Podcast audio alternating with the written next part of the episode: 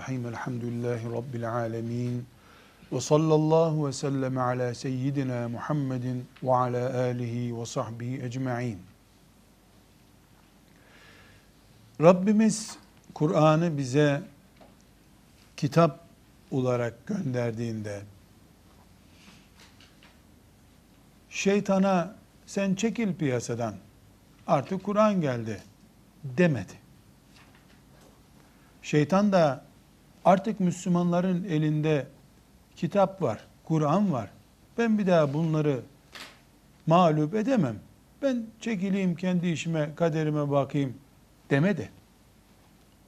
Şeytan Kur'an'ın olmadığı zamanlar on mesai yapıyordu ise Kur'an inince bin mesaiye çıkardı mesaisini.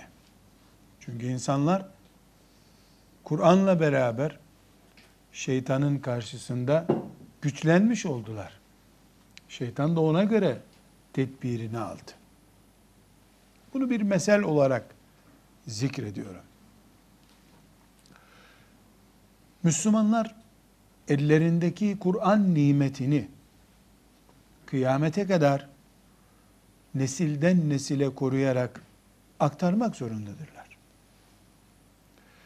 Hiçbir Müslüman ben bu Kur'an'la cennete gireyim de benden sonra ne olursa olsun diyecek hali yok. Böyle bir şey diyemez Müslüman. Müslümansa diyemez. Maazallah. Biz artık dünyada savaşların nasıl yapıldığını bilen bir nesiliz. Kur'an-ı Kerim'imiz elimizde korumak zorunda olduğumuz bir kitap. Peki bunu kime karşı koruyacağız diye araştırdığımızda bakıyoruz ki karşımıza e, Yahudiler çıkıyor. Onlara karşı Kur'an'ımızı koruyacağız. Çünkü Kur'an onların elinde güya Allah'tan gelen kitap olan güya Tevrat var. Tevrat'ın aslı değil halbuki. Adamlar bizim kitabımız olsun, Kur'an olmasın diyeceklerdir. Hristiyanlara karşı da Kur'an'ımızı korumak zorundayız. Çünkü onlar da bizim İncil'imiz olsun, Kur'an niye olsun diyecekler. Niye Kur'an geldi, İncil'imizi kaldırdı bizim diyecekler. Binaenaleyh yeryüzünde İncil'e inandığını söyleyen beş tane Hristiyan bulunduğu sürece Kur'an'ın düşmanı var demektir. Beş tane Yahudi Tevrat benim kitabımdır dediği sürece Kur'an'ın düşmanı var demektir. Ama Kur'an'ın düşmanları sadece Yahudiler ve Hristiyanlar değildir. Bir de toptan kitaba karşı olan Allah'ın bir kitap göndermesini istemeyen yani hiçbir dini, hiçbir imanı olmayan ateist bir düşünce de olabilir. Bunlar da ne kitabı yahu? Bu Kur'an'a ne gerek var diye ayağa kalkabilirler. O zaman Kur'an'ın bir Yahudi düşmanı, bir önceki kitaplardan olan Yahudinin iman edenlerinin düşmanı, İncil'e iman eden Hristiyanların düşmanı, bir de dinsiz olanların düşmanı diye birkaç düşmanı olacak. Fakat gerek 1440 yıllık Kur'an tarihine baktığımızda ve gerekse bugünkü dünyadaki savaş stratejilerini, savaş şekillerini incelediğimizde görüyoruz ki Kur'an-ı Kerim bütün savaş türleriyle ortadan kaldırılmak istenmiştir. Müşrikleri gördük. Hepten Kur'an'ı yeryüzünden kaldırın, kaldıralım diye bir hamle yaptılar.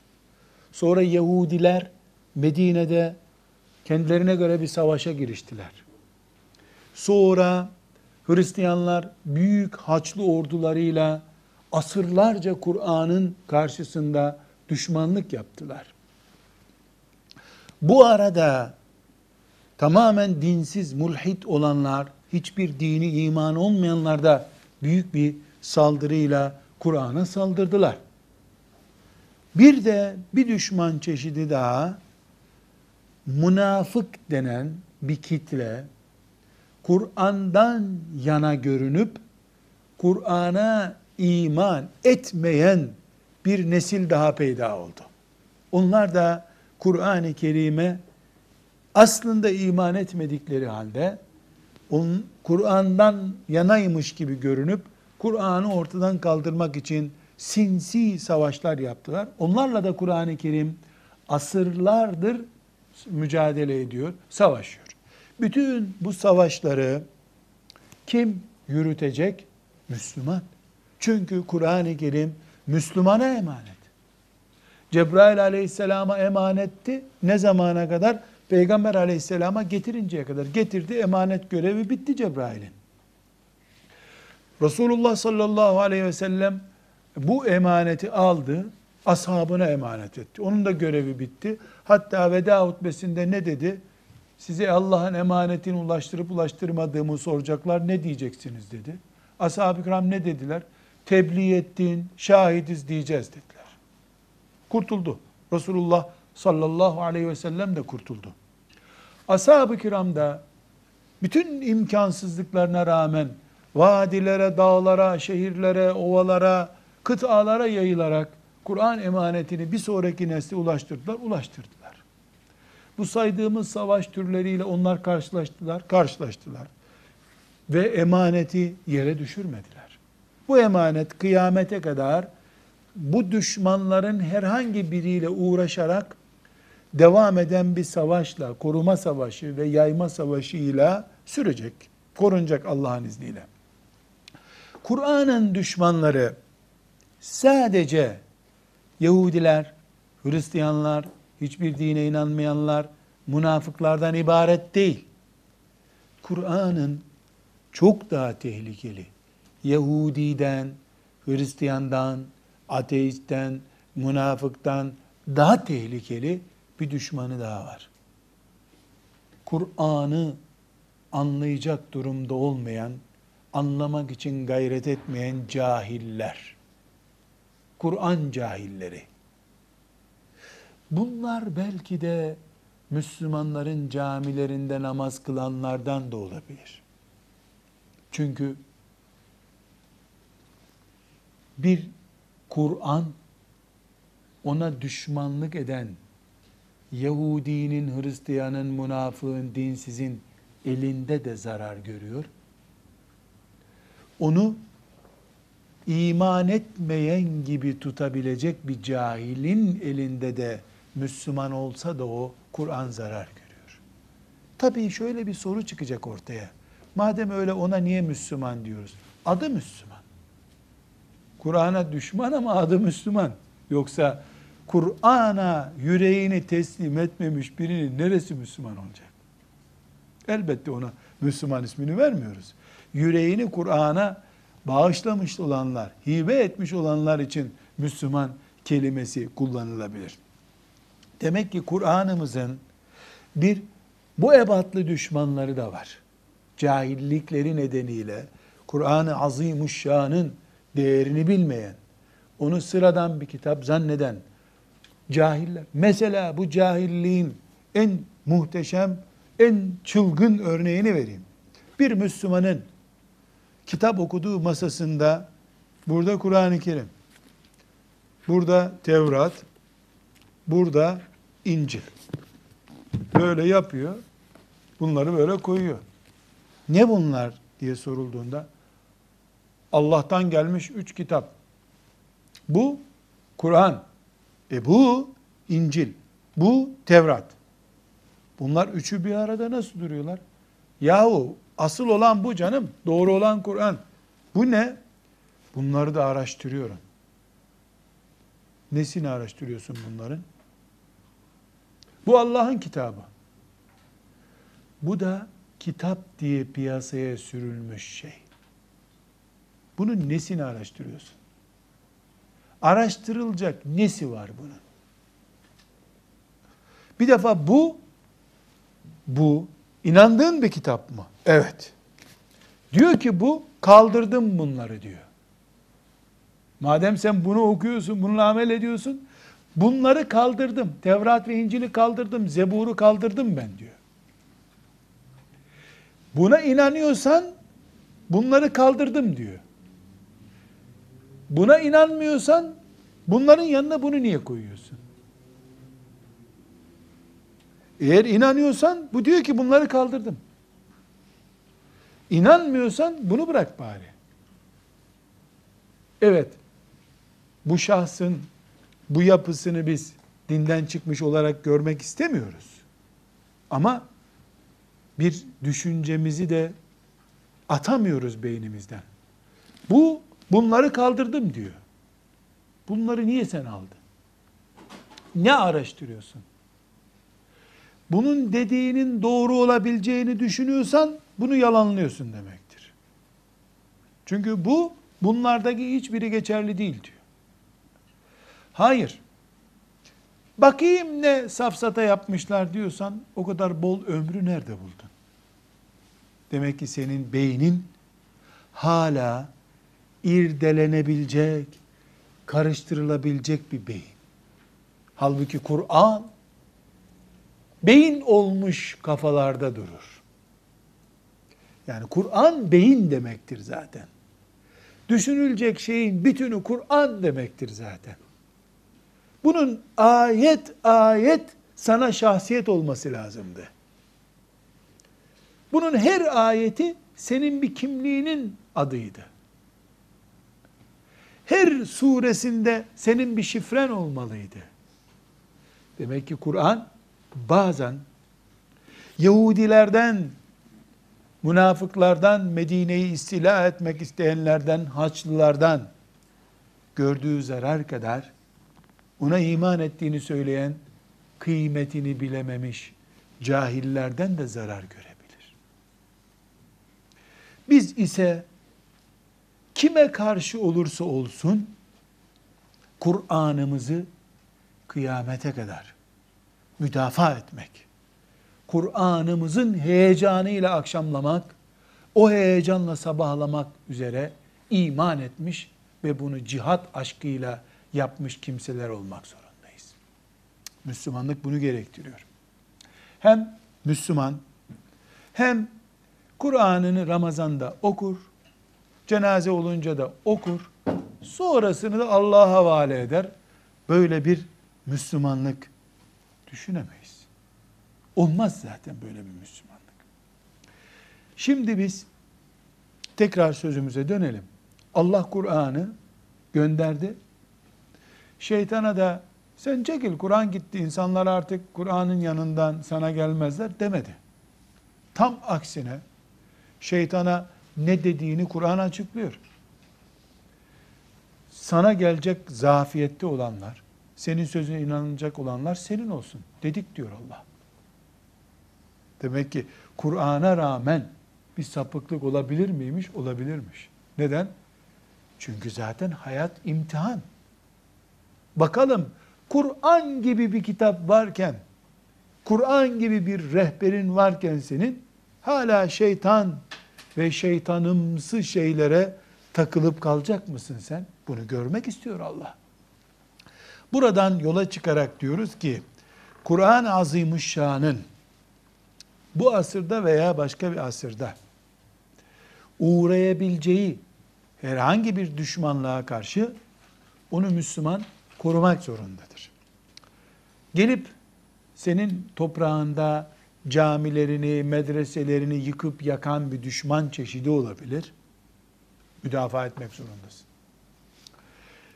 Neslini fitne fesada karıştırıp Kur'an'ı iman açısından zafiyete uğratmak isteyen bir saldırı olabilir.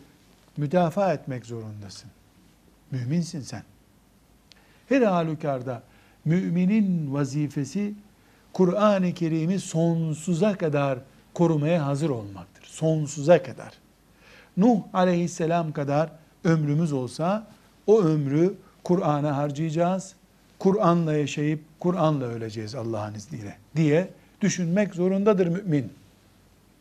Burada özellikle dikkat çekmek istediğimiz nokta, Kur'an'a saldırı her zaman camileri bombalamak, medreseleri yıkmak, musafları toplayıp okunmasını yasaklamak şeklinde değildir. Çünkü Kur'an'ın karşısındaki düşmanlığın, Kur'an'ın karşısındaki cephenin asıl adı Yahudilik, Hristiyanlık, e, münafıklık değildir. Asıl komutan Haçlılar değildir. Düşmanlığın asıl komutanı şeytandır. Şeytan da zamana göre savaş üreten güçlü bir düşmandır. Hangi zamanda hangi savaşın daha tesirli olacağını çok iyi bilir şeytan. Gün gelir Kur'an okunmasından hiç rahatsız olmaz şeytan. Gün gelir bir kelime okunmasını istemez. Çünkü şeytan bu savaş yapılan dünya sahnesini kuş bakışı izliyor. Yukarıdan izliyor ve hangi savaş taktiğinin daha müessir olacağını kestirip ona göre savaşıyor. Bu girişten sonra asrımızda Kur'an'ın karşısına geçen saldırı çeşitlerinden birine dikkat etmek istiyoruz. Dikkat çekmek istiyorum. Dedik ki Kur'an-ı Kerim okunmasın, bu ayetler duyulmasın diyen bir müşrik saldırısı gördü. Onu geçti. Ashab-ı kiram onları silip süpürdüler. Bedir'de kafalarını koparttılar. O nesil gitti. Sonra bir Yahudi saldırısı gördü Kur'an. Ashab-ı kiram onları da Medine'nin dışına attılar. Bir münafık saldırısı çıktı. Ömer bin Hattab'ın dolaştığı sokaklarda ses çıkaramadı münafıklar. Sonra bir miktar sessizlik oldu. Haçlı orduları diye bir isimle piyasaya çıktı bu Kur'an düşmanları. Bağdat'ta Kur'an'ın yazıldığı kitapları, okunduğu medreseleri, e, tefsir edildiği kitapları yakıp yıktılar hainler. Çok büyük zayiat verdiler. Ama Allah Selahaddin isimli bir kulunu gönderdi. Geldikleri yere kaçmaya bile fırsat bulamadılar. Allah Selahaddin'in eliyle, Nureddin Zengi'nin eliyle onları imha etti. Elhamdülillah. Kur'an o zor badireyi de geçti. Sonra hepimizin çok iyi bildiği Kur'an okumanın yasak olduğu, Kur'an okuyanın zindanlara atıldığı bir dönem geldi. Kur'an okuyanların okuduğu Kur'anları çuvallara doldurup kağıt fabrikalarına hamur yapılmak üzere gönderen, oraya göndermeye fırsat bırakmadan çuvallarla denize atan bir nesil geldi. Bir düşman nesil geldi. Allah onlardan da ümmeti Muhammed'i ve Kur'an'ı kurtardı. Fakat sonra şeytan İngilizini kullanarak, Amerikalısını kullanarak, Siyonizmini alet ederek, yani şeytan kukla bulmakta zorlanmıyor. Şeytanın müridi, hakkın müritlerinden çok daha fazla.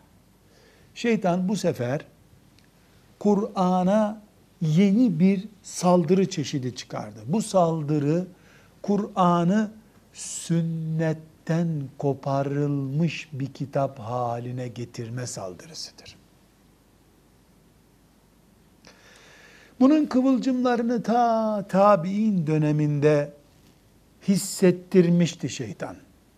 Daha tabi'in zamanında bile şeytan e, Kur'an yeter, sünnete gerek yok demişti.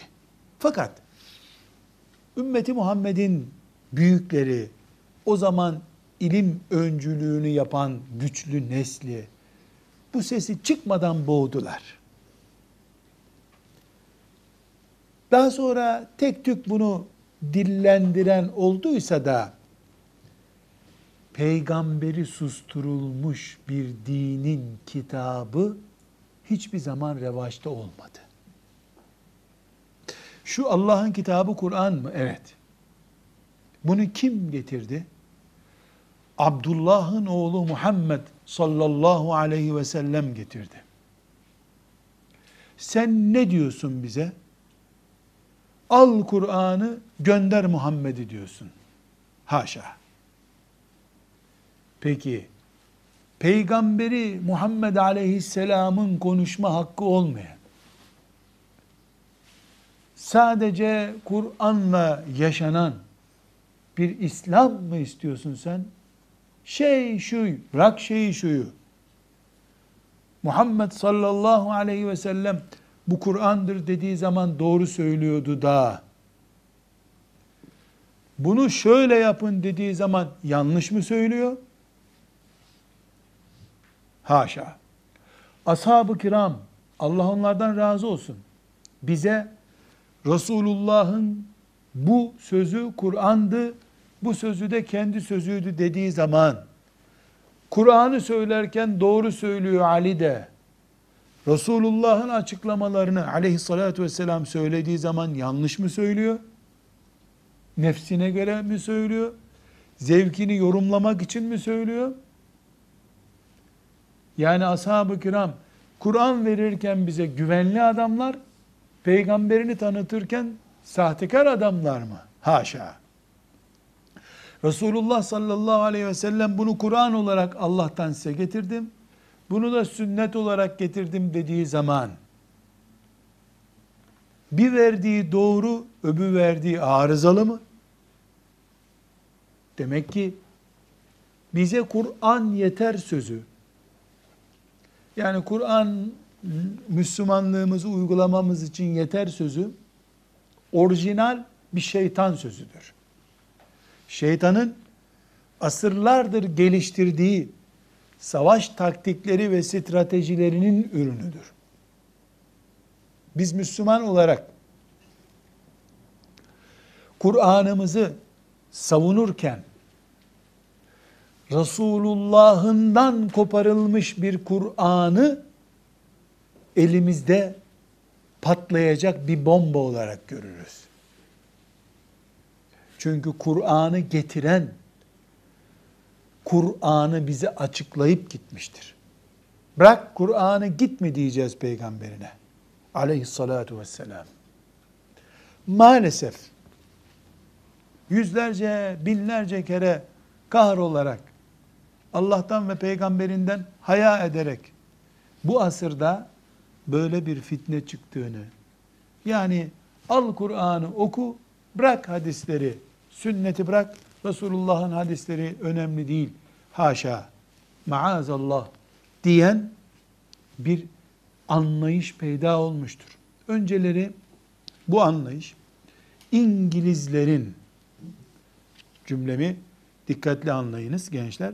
İngilizlerin Hindistan'dan Pakistan ve Bangladeş'i devlet olarak ayırıp aslında Hindistan'daki Müslümanların gücünü dörtte bir oranına bile isabet etmeyecek kadar zayıf hale getirmek için güya Müslümanlara Pakistan diye, Bangladeş diye bir devlet kurdurma projesiyle beraber geliştirdiği bir tuzaktır bu. Müslümanlar da müthiş bir devletimiz olacak diye sevindiler. En popüler Müslüman isimler bile buna alet oldular. Burada bizim çok meşhur şairi, işte Pakistanlı Müslüman şair diye bildiklerimiz de buna sevindiler. Ama Hindistan'ın 100 sene sonra bile bir daha İslam devleti olması hayal olacak bir iş, iş gerçekleştirdiler. Aynı ırktan, aynı düşünceden, aynı dili konuşan insanlardan 200 milyonu, 200'den de fazla bir milyonu çekip kopardılar. Böylece yüzde 50'lerini oluşturan Müslüman nesil Hindistan'da yüzde 15'lere düştü. Zayıfladı Müslümanlar. Hindistan böylece İslam'ın ve Müslümanın azınlık olduğu bir devlet haline geldi. Pakistan'da da İslam bir daha güçlü, ebediyen olamayacak müthiş bir fitne oturttular. Kur'an bize kitap olarak yeter. Ne Resulullah lazım ne Ebu Hanife lazım bize diye müthiş bir fitne başlattılar. Bu fitneyi e, onlar planlı, projeli bir şekilde başlattılar. İsmini de Kur'aniyun, Türkiye'deki Türkçe ismiyle Kur'ancılar diye isimlendirdiler. Sanki onlar Kur'an'a iman ediyor da Hanefi mezhebine göre amel edenler, Sahih-i Bukhari'den hüküm öğrenenler sanki Tevrat'a göre amel ediyormuş gibi bir durum ortaya çıktı. Kur'ancılar diye bir grup oluşturdular. Bu Kur'ancılar Kur'an'ın dışındaki her şeyi attıklarını söylerken Tevrat'la savaşmadılar. Uyduruk İncil'le savaşmadılar. Başlarına getirilen demokrasi belasıyla savaşmadılar. Ama Resulullah'ın sünnetiyle savaştılar aleyhissalatü vesselam.